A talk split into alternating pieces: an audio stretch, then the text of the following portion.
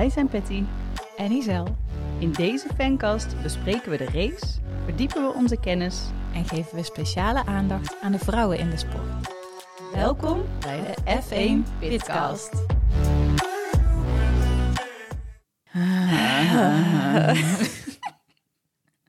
Nou, dat was ongeveer de mood van heel veel monteurs dit weekend. Eh, dit was de zucht van Jean-Pierre in de boordradio richting Max. Ja, weet, wat was ook weer de aanleiding? Weet je, heb jij nog scherp? ja eh, maar misschien moeten we daar straks even op Oeh, terugkomen. daar komen wij nog op terug. Maar ja, we merkten wel, het voelt eh, voor iedereen een klein beetje als zo'n laatste schooldag... waar iedereen enorm toe is aan vakantie. Nabeschouwing.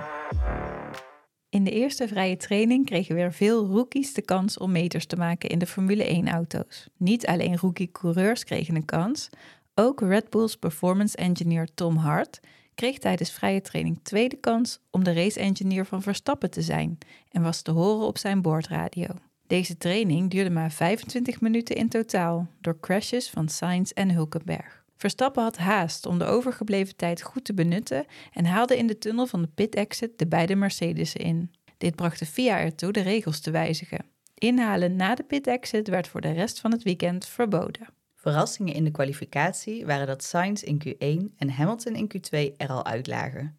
Verstappen pakte weer pole, waarna Giampiero over de boordradio meldde dat Verstappen de pitbox een verontschuldiging moest aanbieden, nadat hij zijn auto een shitbox had genoemd na de trainingen. Horner meldde over de radio dat hij 500 euro had gewonnen van Helmut Marko, omdat zij een weddenschap hadden afgesloten over of Verstappen op de eerste rij zou starten. Blijkbaar waren zij nog in Vegas mood. Leclerc en Piastri behaalden plek 2 en 3 en Yuki Tsunoda behaalde een knappe zesde plek. En Hulkenberg zat weer in zijn zaterdagmodus en werd zevende. Bij de start van de race van de ondergaande zon behield Max zijn eerste positie, hoewel Leclerc het hem tot drie keer toe moeilijk maakte met een aanval. Waar zowel Albon als Hulkenberg veel verloren bij de start en in de eerste ronde, was Sainz juist weg als een speer en ging ook eens rap richting de derde plek. Ook Perez begon aan zijn opmars naar voren. Toen de eerste pitstops begonnen, wisten Norris en Russell tactisch voor Piastri en Alonso te blijven. Hierdoor was Tsunoda een paar ronden leider in de wedstrijd. Het waren Hamilton en Gasly die elkaar vonden. Doordat Gasly zich verremde, botste Hamilton licht tegen hem aan. En terwijl de schade aan Hamiltons voorvleugel meeviel en hij volgens Toto zelfs de snelste man op de baan was, klaagde Gasly over gebrek aan snelheid in de auto. Er werden twee verschillende tactieken gebruikt. De tweestopper, beginnend op medium, of op hard zo lang mogelijk doorrijden. Die laatste strategie, die Sainz volgde, kwam Ferrari duur te staan. Hij moest in de ene laatste ronde nog naar binnen om een andere compound dan de harde band te rijden. Het was Piastri die, ondanks dat hij de echte race pace miste, wel goed wist te verdedigen ten opzichte van Alonso en Russell. De laatste ronde stond in het teken van de strijd tussen Ferrari en Mercedes om plek 2 in het constructeurskampioenschap. Russell, op plek 4, wilde weten hoe Hamilton ervoor stond, terwijl Leclerc wilde proberen tactisch Russell op achterstand te brengen. Helaas raakte Perez Norris bij een inhaalactie voor plek 3, wat hem een 5 seconden penalty opleverde. Daardoor viel hij uiteindelijk, ondanks dat hij als tweede over start-finish kwam, terug tot een plek buiten het podium. Aan de andere kant waren de stewards druk met allerlei vergrijpen. Van erratically driving van Alonso tot pitstop infringements van Hamilton, Verstappen, Joe, Sargent en Gasly. Door Perez een straf komt er een podium met drie verschillende teams. Naast Max op de hoogste treden mogen Leclerc en Russell plaatsnemen. Laat het vuurwerk tot je doordringen. Het lijkt misschien allemaal makkelijk, zeker als je Max pas bent gaan volgen na 2021. Maar wat dit team neerzet en wat Max presteert, is buitenaards. Het vuurwerk omrandt een seizoen waarin het onze eigen Max lukt om 1003 ronden op kop te rijden en 19 van de 22 races te winnen. 19 overwinningen in de RB19. En het team van Red Bull laat alleen Singapore als kruimeltje voor een andere racewinnaar over. Dit voor Red Bull en Max magnifieke seizoen zit erop tot 2024. Wie was ook alweer de winnaar in eh, Singapore? Russell? Nee, nee, die ging er uiteindelijk uit. Eh, Ik zou het echt niet weten. Sainz? wat erg. Was het? Ja, Sainz dan. Ja, dat moet wel bijna. wat erg. Maar nog even terugkomend op de zucht van eh Giampiero. Die kwam namelijk omdat Max wanneer was dat dan? Op welk moment? Kwalificatie training? volgens mij. Dus op een gegeven moment weer zei, toen ze de pit exit uit wilde, van Ah. oh, het gaat hier allemaal zo langzaam. En dat was dus na de regelwijziging, omdat Max dus mensen had ingehaald. Dus volgens mij was GP echt zo, ah, begin er nou niet weer over. Je hebt al Gewoon een regelwijziging veroorzaakt. Ja, gedraag je nou een beetje. Het is toch ook soms alsof je een jong kind in eh, bedwang moet houden. Ja, maar dat was ook een beetje bij eh, die boordradio's van Toto, hè? Van eh, Louis, je bent de snelste. Oké, dankjewel, Ja. Toto. Denk je, Toto? Het was heel vreemd. Ja, Ja, want Toto komt ook niet heel, tenminste niet dat we horen, komt niet mega vaak over de radio heen. Vaak is er dan wel iets aan de hand. ja of eh, ja, inderdaad toch wel vaak om Louis te motiveren, volgens mij eigenlijk. Ja, kan Of, me geen, of of, om sorry te zeggen, Louis, voor deze Ja. slechte auto. Ja. om te zeggen dat dingen niet eh, gaan zoals ze horen te gaan. ja. Oh, Mikey, no. maar goed, we hebben een paar dingetjes eh, waar we nog eventjes wat langer eh, bij willen stilstaan. En als eerste, we hadden het er al een beetje over in de samenvatting, de strijd om plek 2 in het kampioenschap tussen Ferrari en Mercedes, dus voor het constructeurskampioenschap. Ja, daar zat vooral de spanning van deze race. Het viel me op hoe gepassioneerd Russell eh, bijvoorbeeld eh, was. Want die vroeg inderdaad op een gegeven moment... nou, waar rijdt Hamilton? Weet je Ja, wel? how is he doing? Ja, zitten we goed? En eh, hij kreeg een beetje een vaag antwoord volgens mij. Van, Het eh, antwoord was een beetje rij je eigen race. Ja, Iedereen is een race aan het rijden, concentreer je daarop. maar toen kwam terug... What the fuck does that mean? How is he doing? Ja. nee, dus die was blijkbaar in zijn hoofd wel heel erg aan het rekenen inderdaad van... hey, kunnen we er nog, eh, of kunnen we onze positie houden? Want zij stonden op de tweede plek eh, toen we naar Abu Dhabi gingen. Op een gegeven moment was Leclerc vooral, vond ik, heel bijzonder tactisch bezig. Perez had toen al een vijf seconden penalty gekregen. En hij lag toen op positie 2. Dacht eigenlijk, wat nou als ik Perez aan mij voorbij laat? Russell lag toen vierde. Dan kan ik eigenlijk zorgen dat Perez nog eh, zo zeg maar stijgt dat hij wel die plek 2 kan houden. Dat hij een soort gat van vijf seconden kan creëren. En dan houden we Russell op de vierde plek. Want anders zou hij, zoals nu dus ook uiteindelijk toch gebeurd is, naar de derde plek gaan, meer punten halen. En, want het was uiteindelijk een verschil van Drie punten, ja. Ja, Ja, jeetje, wat, het lijkt me echt verschrikkelijk om dan aan zo'n pitwall te zitten als team. ja. Als ja. het om dit, want uiteindelijk dus hebben ze en pech gehad dat Sainz dus eh, buiten de top 10 is geëindigd. Terwijl hij dus eigenlijk vrij lang op plek 8 lag. En dan zou Ferrari dus eh, juist wel voorop hebben gereden. En Hamilton heeft een beetje het geluk gehad dat hij eh, in een van de laatste rondes nog richting plek, volgens mij is die achtste geworden uiteindelijk. daar nog voorbij is kunnen gaan. Dus ja, het was erg spannend. En dat vond ik ook een beetje zielig, eh, want waar Russell en eh, Leclerc er dus allebei heel erg mee bezig leken, kwam er op een gegeven moment een boordradio waar Sainz zich afvroeg. eh, Ricky, help me, I'm a bit lost here. Die wist even niet meer welke race hij aan het rijden was. Nou, misschien zei hij dat ook wel omdat ja, hij dus zo lang op die banden door heeft gereden. Dat hij ook dacht, moet ik niet een keer naar binnen ja, ja. Wat is het idee hier precies? Ja, dan waren er een heleboel eh, pitstop infringements. Wat je ook niet zo vaak eh, meemaakt eigenlijk. ik kan het me niet herinneren, nee. bleek ook, eh, of ja, het bleef vaag van er stond niks bij van wat er dan geweest zou zijn. En je zag ook niks geks aan de pitstops. Mhm.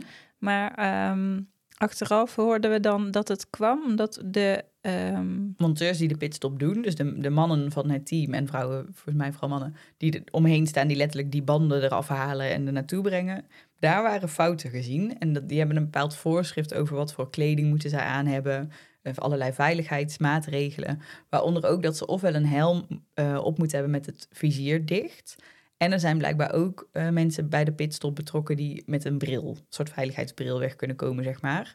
Eh, en ofwel de vizieren hebben niet goed gezeten bij sommige monteurs, of mensen zijn hun bril vergeten. En daarvoor krijgen nou waarschijnlijk de teams boetes. Dus het gaat niet direct op de coureur zelf, gelukkig. Maar eh, ja, ik, oh, ik, had, even, ik had het anders verstaan. Ik had dus verstaan dat de coureurs hun vizier niet dicht hadden. Omdat ze soms Oh. even willen luchten, weet je wel. Dan Ja, dat dingetje klopt. even openzetten. ja, volgens mij Ah. mag dat wel gewoon, voor zover ik weet. Ja. Ja. geloof eigenlijk ook wel. Maar oh, wat gek dat dan nu ineens bij verschillende teams dit gebeurt. Dat moet dan toch ook in andere races zijn gebeurd. Het is toch niet dat in één keer vier teams...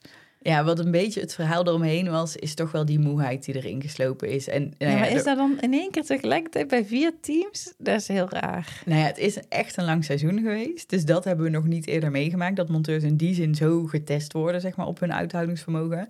En uh, ik moet denken aan een interview wat Max aan het begin van het weekend uh, op vrijdag gaf. Toen uh, vroeg Giel hem volgens mij, weet je hoe laat het is? En toen keek Max naar zijn horloge en toen zei hij, ik weet eigenlijk nog niet eens in welke tijdzone mijn horloge staat. Want ze zijn natuurlijk wel, wat was de eerste van de triple header? Mexico, Las Vegas en nu dan Abu Dhabi. Daar zit gewoon een enorm tijdsverschil tussen. En je bent toch in een week tijd vanaf Las Vegas naar hier gegaan. Dus hè, je, je, het is gewoon een aanslag op je lijf. Dus nou ja, ik geloof op zich wel dat het wel een verklaring kan zijn van moeheid. Maar het is wel fascinerend dat dat net deze race nog gebeurt bij zoveel teams. Ik vraag me gewoon af of dat dan niet vaker is gebeurd en dat het niet gezien is. Of, nee. zou kunnen. En dan het emotionele afscheid van Max uh, van zijn auto dit jaar. Ja, die die dan in hetzelfde weekend nog een shitbox noemt. Terwijl, hallo, je hebt de beste auto van het hele... Hoe kun je dat nou een shitbox noemen? Huilen en lachen kunnen dicht bij elkaar staan. bij hem sowieso, ja. Nee, het was heel schattig. Hij werd nog geïnterviewd. Uh, sowieso de boordradio na de race was uiteraard heel lovend, ook naar het team toe. En uh, dat het zo'n geweldig seizoen was geweest. Maar ik vond dat in het interview wat hij na afloop uh, bij Viaplay bij Giel had, dat het ook wel heel soort van bijna breekbaar was. Dat hij zei, ja, ik weet gewoon dat het heel moeilijk gaat zijn om dit topseizoen wat we nu hebben, om dat nog een keer te evenaren. Van, ik denk dat hij misschien oprecht nog wel gelooft dat hij echt nog wel een keer wereldkampioen zou kunnen worden. Misschien nog wel vaker.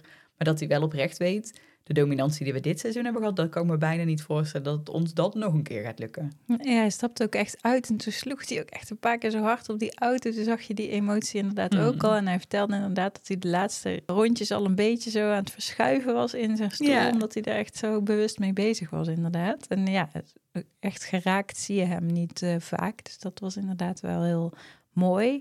Nu zeiden de, de commentatoren bij uh, Viaplay, of nee, de analisten trouwens in de studio ook al van ja, maar zo gaat deze auto niet veranderen. Weet je wel? Er zijn geen enorme reglementswijzigingen. Dus het is gewoon waarschijnlijk volgend jaar ongeveer dezelfde auto, maar dan heet die RB20 in plaats van 19. Ja, want het nou is natuurlijk wel zo dat Mercedes, Ferrari wel oprecht grote stappen hebben gezet de laatste races. Die zijn er niet zo dichtbij geweest de rest van het seizoen. Dus ik denk dat ze er toch wel bij Red Bull wel rekening mee houden Tuurlijk gaan ze een goede auto hebben komend jaar en ze gaan ze echt wel competitief zijn. Die kans is inderdaad denk ik niet heel groot dat dat heel anders wordt. Maar dat ze er wel rekening mee houden. Ja, misschien dat het toch ook voor komend jaar een ander team echt wel ons uh, Nee, tuurlijk, dat kan altijd. Maar nu, hij had weer met acht seconden gewonnen of zo. Hoeveel was ja, het Ja, meer zelfs geloof ik. Ja, dat was een flink gat. ja. Vader Jos kwam nog even op de bordradio na afloop in het Nederlands. Vond ik wel leuk eigenlijk. En hij zei zo, goed gedaan schat. Ja. Dat was heel erg schattig. Lief momentje. En wat, wat ik heel leuk wel, uh, vond om te zien uh, na afloop nog met Max was... Hij stond voor een interview bij, uh, bij Viaplay, maar dan bij de Zwe Zweeds, Fins, was het? Ja, een van de andere landen, ja. commentatoren of de interviewers. En na hem was Alonso aan de beurt, maar uh, ja, hij ging Alonso eigenlijk nog een paar vragen stellen. En op een gegeven moment werd het echt een interviewtje. Dus uh, hoe was het met jouw bandendegradatie? Ja, hoe was jouw race? Vertel even. dat was eigenlijk heel leuk om te zien, vond ik. Ik dacht ook wel net, ja, dat, dat zal Max misschien oprecht niet weten. Toch? Van hoeveel zal hij van een Alonso hebben meegekregen deze race? Want daar ging het hem natuurlijk totaal niet om. Nee, hij had natuurlijk ook helemaal niet, dat zag je naast, na afloop van, hij had helemaal niet door dat Perez die straf had gehad. Nee. Dus die dacht in één keer, was waar is Perez? Ja.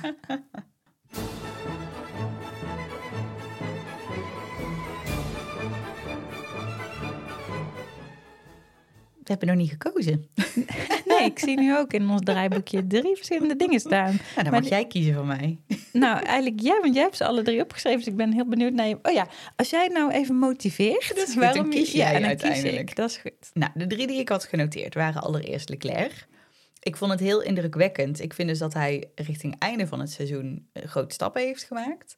En ik vond het dus heel bijzonder dat. Ik vind hem niet per se altijd een coureur met wat ze wel eens mentale overcapaciteit noemen. Dus die ook heel strategisch met de race bezig is. Dat liet hij deze keer echt wel zien. En gewoon hoe hij die eerste bochten gewoon echt zijn best heeft gedaan om Max achter hem te krijgen, dacht ik, yo, dit is het vuur wat je gewoon... Ik was echt enthousiast. Mijn een vriend naast me begreep het niet helemaal, want die dacht, je bent toch voor Max? Ik zei, ja, ik ben voor Max, maar ik ben ook voor spanning in deze sport. Ik vind het gewoon super vet als het hem lukt om er voorbij te gaan. Dus nou, dat is mijn motivatie voor ja, de Ja, die snap ik, ja. Ja, dan toch wel degene voor wie ik toch een beetje een zwak heb. Tsunoda. Uh, we komen er straks nog op. Het was voor hem sowieso een bijzonder weekend. Nou, wat we al zeiden in de samenvatting, hij heeft een tijdje aan kop gereden. En wat ik vooral heel erg goed vond, hij heeft gewoon een strakke kwalificatie gereden. Eh, daar een zesde plek gehaald. En deze race gewoon eigenlijk geen echte fouten gemaakt. Wat Yuki toch nog wel eens wil doen. Dus ook daarvoor wilde ik hem een beetje chapeau uh, de erekrans geven. Mhm. Maar toen dacht ik toch, toen ik deze twee opties had opgeschreven... Ja, maar als je nou kijkt naar de echte, echte grote erekrans... van wie verdient nou de allermeeste kudo's ever... is het toch het team van Red Bull. Ik kan er gewoon eigenlijk met mijn hoofd niet bij... dat je er gewoon over nadenkt dat er maar één race dit hele seizoen... niet door hun gewonnen is. Ja, dat is wel echt bizar inderdaad. Maar we gaan natuurlijk nog win winter, specials Winter specials. opnemen. En uh, daarin gaan we terugblikken. Dus laat dan krijgen nou ja, waarschijnlijk de, de, de allergrootste erekrans Red Bull. Dus laten we dan Leclerc of Tsunoda. En dan laten we voor Leclerc gaan. No, no, Mike, it was so not right. Ja, het was moeilijk, een meatball. Er zijn geen hele domme acties geweest. En daardoor dacht ik ook wel, de idioten zijn een beetje weg, weet je wel. Voorheen had je nog een Mazepin, een Latifi, Ja. een eh, Mick Schumacher... Die, die soms gewoon hele domme dingen deden. En Stroll ook wel. Stroll heeft eigenlijk ook weinig domme Ja. dingen gedaan. Nou, een paar, een... begin van het seizoen wel echt een paar. Maar Jawel, einde Da- van het seizoen was hij vrij sterk. ja, hè? Ja, dus eh, het is gewoon, eh, dat is ook wel weer jammer. Want, We missen een beetje de grote idioot van... ja. Ricciardo Maar- Zonta komt ineens in me op. Nee. Oh, dat, ja, nee, then we go way back. Dat is voor een ander moment. Maar ehm, ja, We hadden het er net nog even over. ja, dat misschien toch wel Ferrari dan. Want ja, het, dus drie punten verschil tussen hen en Mercedes uiteindelijk in het constructeurskampioenschap. Hadden ze die drie punten toch niet kunnen halen vandaag als de Sainz op een andere strategie hadden gezet. Ja. Want die moest inderdaad nu met nog één, twee ronden te gaan naar binnen om nog te wisselen. Ja, dan, dan ben je sowieso Ja. kansloos. Want Die je posities kan je niet meer dat kan je nooit meer goed maken. En ze hebben natuurlijk heel erg gehoopt op een eh, rode vlag of zo, Ja, klopt. ehm, die, die niet kwam. Ja, zeggen, dat is best een, grote gok. eh, ja. ja. inderdaad. Ondanks dat volgens mij Abu Dhabi op zich wel de laatste race is best vaak. En eh, dat was natuurlijk de, de grote bang toen eh, Max voor de eerste keer wereldkampioen werd. Dat had ook met safety car te maken. Maar je kan daar toch inderdaad als team in je strategie niet van uitgaan. Nee. Nee, dus nee, ik ben het wel met je eens. En toch ook wel, dacht ik, Hamilton. Niet dat hij echt iets doms heeft gedaan, maar heb je het interview na afloop gezien? Nou was ehm Ik Giel- knikte nee trouwens. ik zit te denken, dat hoort luisteraar natuurlijk. Ik, ik denk, nee, nee, heb ik niet gezien. Vertel. Nee, Giel vroeg hem van, oh, je zal wel eh, uitkijken naar de, naar de volgende auto, de volgende Mercedes-versie. Zei, nou, ja, ik kijk eigenlijk helemaal nergens naar uit nu. En Oh, wauw. ja, Oké, klein, kleine verdediging voor Hamilton. Hij heeft volgens mij wel een raar weekend gehad, omdat het begon met een hoop gedoe waarin Horner iets zou hebben gelekt over dat eh, Hamilton ooit eh, hem benaderd zou hebben, of in ieder geval het team van Hamilton Red Bull, om daar te mogen rijden. Volgens mij één of twee seizoenen geleden. En blijkbaar heeft dat volgens mij best wel wat ophef veroorzaakt. Dus ik kan me voorstellen dat hij wel oprecht ook met een soort rotgevoel dit weekend überhaupt in is gegaan. Nou ja, dan strand je in de kwalificatie in Q2 heb je een best wel anonieme race. Ondanks dat Toto de hele tijd loopt te beweren dat je de aller, allersnelste bent. Ik heb geen één keer de snelste race ronde achter de naam die staan, maar oké. ja, nou, nee, oké. En Maar ik heb hem al zo vaak chagrijnig gehoord eh, dit seizoen, wat allemaal te verklaren is, want hij had geen goede auto. Maar ik denk toch, misschien moet jij eh, plek gaan maken voor iemand die wel heel erg gemotiveerd is. hier, hier. F1 voor dummies. Ja, we bedachten, we laten gewoon het leukste voor het laatste. We gaan jullie eens even uitleggen wat überhaupt die motor in die Formule 1 auto precies eh, doet. Wat is dat nou precies? Nou, daar begin ik al met eh, fout 1. In de zin, je moet eigenlijk niet spreken van een motor. We spreken over een power unit. Want het is niet alleen een eh, motor, het is ook een heel hybride systeem met elektromotoren. Er zit dus wel een verbrandingsmotor in, waar gewoon benzine doorheen gaat. Maar daarnaast is er nog een turbo die die motor aandrijft en tweetal elektrische motoren. Hier rijden we mee sinds 2014 en bij de overgang naar dit nieuwe systeem was Mercedes in de eerste instantie echt oppermachtig. De, nou, zij waren eerst de koningen van dit hybride tijdperk. Nou, ik zal alle onderdelen ietsjes eh, meer toelichten van wat doet het nou precies. Er zijn dus twee elektromotoren die worden aangedreven door wat ze het Energy Recovery System noemen. Dus energie die eigenlijk terug wordt gehaald eh, en naar het systeem wordt gebracht. En dan moet je eraan denken dat bijvoorbeeld de hitte van de uitlaat van de auto wordt opgevangen. Die winnen ze terug en die gaat ook weer de auto in naar die elektrische systemen. En dat doen ze ook met de energie die vrijkomt bij het remmen van een Formule 1-auto. Dat is fix, want een Formule 1-auto remt nogal hard. Dus daar komt heel veel energie bij vrij. Die energie gaat dan dus direct naar de elektromotor of die kan naar een batterij waar die kan worden opgeslagen. Dat hoor je wel eens. eh, dan zeggen ze dat coureurs hun systemen aan het sparen zijn. Dan zijn ze eigenlijk die batterij aan het opladen om dan dat extra vermogen bijvoorbeeld bij een inhaalactie te kunnen gebruiken. Een van de onderdelen van die elektromotor is de Motor Generator Unit Kinetic. Dat is het stuk wat de wielen laat aandrijven voor extra acceleratie en het wordt gebruikt om op de motor af te kunnen remmen. Die motor mag per ronde 33 seconden van maximaal vermogen leveren. Dus daar zit wel een begrenzing aan van hoeveel eh, vermogen daar geleverd mag worden. Nou, dan het tweede onderdeel is de Motor Generator Unit Heat. Dus dat gaat over de hitte van de auto. Die houdt eigenlijk de turbo draaiende op het moment dat een coureur niet op het gaspedaal gaat staan. En die motor, die kan dan weer die MGU Kinetic, die ik net beschreef, van energie voorzien. De elektromotoren mogen niet gebruikt worden als ze minder hard dan 100 km per uur rijden. En dat heeft ermee te maken dat ze anders een heel groot voordeel bij de start kunnen halen. En dat willen ze eigenlijk voorkomen. Dat zou ook gevaarlijk kunnen zijn misschien toch? Als je dan echt vooruit schiet of zo, dat je dan eh, sneller een ongeluk zo... Ja, volgens mij, ja ik geloof dat ze het een beetje een soort van... eh, eh, er is natuurlijk ook heel veel gedoe altijd over wat moet een coureur als het ware ook echt zelf op eigen kracht zeg maar kunnen. En waar mogen systemen helpen. Hè? Dat, dat heeft lang ook bijvoorbeeld met eh, stuurbekrachtiging en dat soort zaken komen er al dat soort discussies. Dus volgens mij heeft het daarmee te maken. Van jij moet als coureur gewoon op je motor zoals die is zonder elektronische ondersteuning kunnen starten. Die verbrandingsmotor, dat is een, en ik snap nu niet precies wat ik ga vertellen, viertakt met 1,6 liter en zes cilinders. Nou, als iemand ooit een keer viertakt uit wil leggen, doe je ding. Het vermogen van deze gehele power unit ligt rond de 1000 eh, pk. En daardoor kan een Formule 1-auto in 2,6 seconden tot 100 km per uur komen. En de topsnelheid van dit hele systeem ligt bij de auto's rond de 370 km per uur. Dat ERS-systeem, dat Electronic eh, Recovery System, kan wel 1000 volt bevatten, wat enorm hoog is. En geeft dus ook een heel groot risico van een shock. Dus daarom hebben bepaalde dingen in de auto ook een andere kleur of veiligheidstekens, zodat monteurs dat ook weten van hiermee moet ik eh, oppassen. Ja, dat is ook na een crash, toch? Dat ze soms wel moeten oppassen als de marshals naar de auto toe kunnen inderdaad eh, toekomen. Dat ze eh, de auto even niet moeten aanraken, omdat ze die shock kunnen krijgen. Ja, dan gaat er een bepaald lampje branden en dan moet bijvoorbeeld ook de coureur zorgen dat hij eruit springt zonder die, het chassis zeg maar, van de auto inderdaad te raken, want dat staat dan onder stroom. En eh, de coureur kan via het stuur de motorstand kiezen. Dat is allemaal een beetje voorgeprogrammeerd en daardoor kunnen ze zeg maar per ronde of per moment in de race kiezen hoeveel vermogen de motor op dat moment levert. Het blijkt een heel gedoe te zijn om zo'n eh, Formule 1 eh, motor te starten. Wat er dan gebeurt is, ze gaan eerst een check doen via een laptop of überhaupt alle onderdelen het doen. Daarna wordt hij op temperatuur gebracht en pas als de motor eigenlijk al warm genoeg is, gebruiken ze een externe startmotor om hem te starten. En dan eh, wordt via het stuur ook de elektromotor aangezet.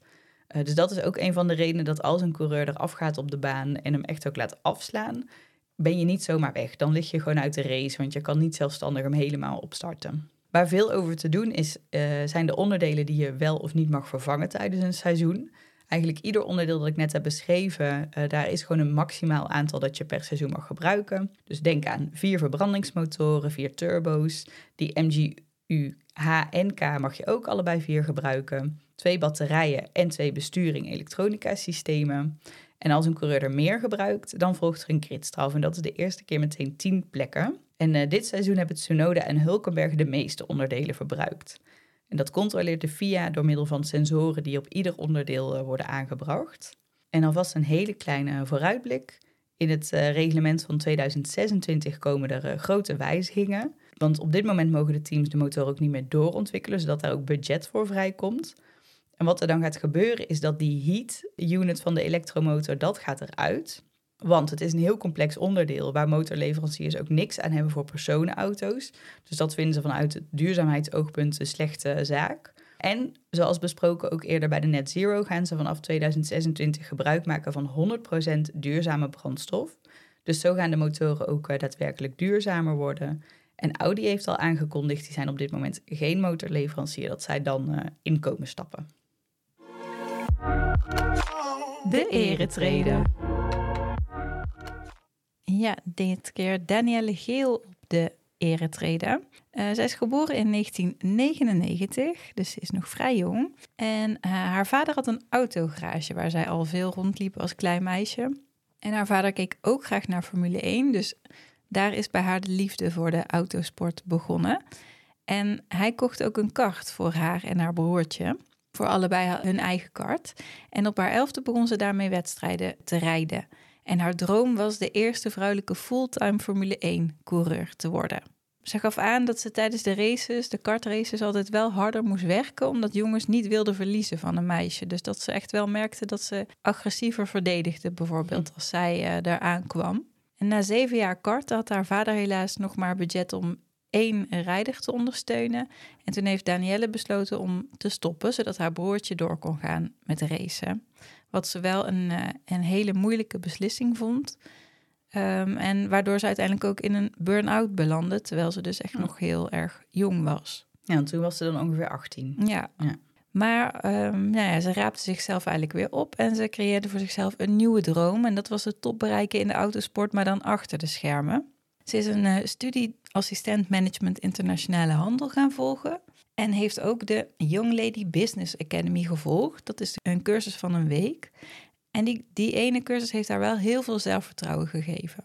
Ze wilde graag haar uh, studie combineren met de autosport. En ze is toen eind 2018 stage gaan lopen bij Van Amersfoort Racing, Nederlands racingteam. En daar was ze managementassistent van Frits van Amersfoort, de oprichter en de baas van het team. Ondertussen bleef ze wel, ging ze weer een beetje racen. In 2020 heeft ze twee races gereden in de Ford Fiesta Sprint Cup. Uh, maar door haar werkzaamheden bij Van Amersfoort uh, ja, liet haar agenda het niet toe om meer races te rijden. In 2021 kon dat wel en heeft ze het hele seizoen kunnen rijden. En heeft ze ook een derde plek behaald uh, op circuit Zandvoort. En ook nog twee keer de derde plek op het circuit van Zolder. En ze heeft eigenlijk sinds haar stage zich heel snel opgewerkt. Want ze is sinds januari 2022 teammanager van het F3-team van Van Amersfoort Racing. En toen was ze dus pas 23 jaar oud toen ze dat werd. Dan heb je wel echt indruk gemaakt. Ja. Toch? Ik vind het wel echt heel stoer. Uh, ja, ja, sowieso van, ja, je bent er eigenlijk nog maar kort. Je bent er pas een paar jaar en je bent sowieso nog heel jong. Dus super knap inderdaad. Ja. En haar droom is nu uh, om teammanager van een Formule 1-team te worden. En zij heeft iets met Williams. Ook omdat Claire Williams daar uh, teambaas was. In de laatste vrouwelijke teambaas die er geweest is. En haar droom is het dan om als eerste vrouwelijke teambaas ja, een kampioenschap te winnen. Ja, mooie ambitie. Ja, en uh, je kan een TED-talk van haar kijken. Die staat op YouTube. Die heeft ze vier jaar geleden gegeven. En die heet How do I find my way in a world that is dominated by men? F1 Media. Ja, we hinten er al een heel klein beetje naar dat het een uh, bijzonder weekend was voor Yuki Tsunoda. En niet alleen voor hem, maar voor het hele team van Alfa Tauri. Want Frans Tost had eerder al aangekondigd dit seizoen dat het zijn laatste seizoen als teambaas is. Hij gaat uh, afscheid nemen met pensioen. En Yuki had een hele mooie helm gemaakt, waar een foto waarop uh, Frans en hij in een beetje soort omhelzing staan. was een soort zwart-witte afdruk had hij op zijn helm uh, staan. Ja, heel mooi. En Max heeft ook nog iets over Frans Toast gezegd in zijn uh, boordradio in zijn Victory Lab. Ja, klopt. En Yuki nog in zijn Formation Lab. En uh, inderdaad, ja, de heel veel coureurs zeggen toch wel zeker, die dus uit het Red Bull talentenprogramma komen, dat hij een hele belangrijke drijvende kracht is geweest om uh, jong talent uh, goed te laten worden. Ja, over jong talent gesproken, Theo Pourchaire, die is kampioen geworden in de Formule 2. Super tof voor hem natuurlijk, maar ja. het is wel het derde jaar op rij dat de kampioen in de F2 niet doorstroomt naar de Formule 1. Wat Vreemd, daar, ja, wat daarvoor eigenlijk veel uh, vaker aan de hand was. Zoals eigenlijk een soort van uh, ja, bijna zekerheidje of zo. Als je daar kampioen wordt, dan, dan ga je de Formule 1 halen. Ja. Nou ja, wie weet gaat hij het ook nog wel halen, maar dan niet meteen al volgend seizoen. Dus dat is ook wel weer lastig, want ja, je wil doorstromen. En ja. als je dus niet verder kan, wat, wat doe je dan? Moet je dan nog, uh, nog een jaar daar blijven? Of ik weet niet zo goed hoe het komt dat iedereen nu... Nou, het is niet dat iedereen op zijn plek blijft. Ik bedoel, Schumacher is eruit en Latifi is eruit. Maar... Ja, er zijn dan weer nieuwe jongens voor gekomen, maar tot nu toe van is aangekondigd dat daar niemand van gaat vertrekken. En als ik me niet vergis, heeft Poucher getest voor Haas, toch? Want die heeft wel in de Formule 1, eh, dus ja, ook dit weekend uh, weer rondes gereden in de, de test, in de, de vrije training. Ja, misschien dat het ook te maken heeft met dat ze daar het nog niet aandurven om met jong talent weer aan de slag te gaan. Maar ik vind het eigenlijk wel heel erg jammer, inderdaad. Ja. Ja, vroeger was het volgens mij net meer zo dat die klasses heel erg in de gaten werden gehouden. En het jonge talent daarvan inderdaad zo snel mogelijk ook de Formule 1 in kwam. Maar eh, nee, er zitten best een paar mensen iets te goed in hun, in hun stoeltjes. Ja, dan eh, over media. Je kan eh, de komende tijd, als er geen races zijn, kan je toch weer heel veel programma's kijken over Formule 1. Viaplay heeft weer een heel winterprogramma rondom Max eigenlijk. Er komt eh, 6 december een, een, een terugblik-interview. En op 27 december komt Unleash the Lion 3 uit. En op 13 december hebben ze ook nog een heel seizoensoverzicht eh, waar we naar uit kunnen kijken. En op Viaplay kun je ook de documentaire serie Lucky kijken. Die gaat over Bernie Ecclestone, eh, acht afleveringen. En eh, ik vind dat een hele onprettige man, maar ik ga denk ik toch de serie maar kijken. Misschien juist als fascinatie. En op Disney Plus staat een documentaire over Button en Braun, eh, het team waarmee hij een wereldkampioenschap heeft eh, gewonnen. Dus ja, daar moeten we ook weer een abonnementje op afsluiten. En dan hadden we ook zelf nog even wat leuke media nieuws. Want degenen die onze Instagram volgen, die hebben het voorbij zien komen. Maar deze week hadden wij het eenjarig bestaan van de podcast. We hebben! Woep woep. Vorig jaar 22 november de pilotafleveringen opgenomen. En om dat eh, te vieren zijn we lekker eh, wezen lunchen. En hebben daarna in stijl samen de kwalificatie gekeken. Ja, en we gaan eh, lekker zeker nog een seizoen door. Vooruitblik. Ja, het was de laatste van het We seizoen. moeten heel ver vooruitblikken. ja, het is niet een kwestie van eh 1, 2 weken, niet een kwestie van een zomerstopje. Nee, we moeten 97 nachtjes slapen. En dan gaat op 2 maart 2024 het seizoen van start in Bahrein. Het duurt nog even. Ja, er wordt weer getest in februari. Maar de ja, week jullie, van tevoren. ja, jullie hoeven ons eh, niet te missen. We gaan binnenkort allerlei leuke specials opnemen. Tot dan. Tot dan!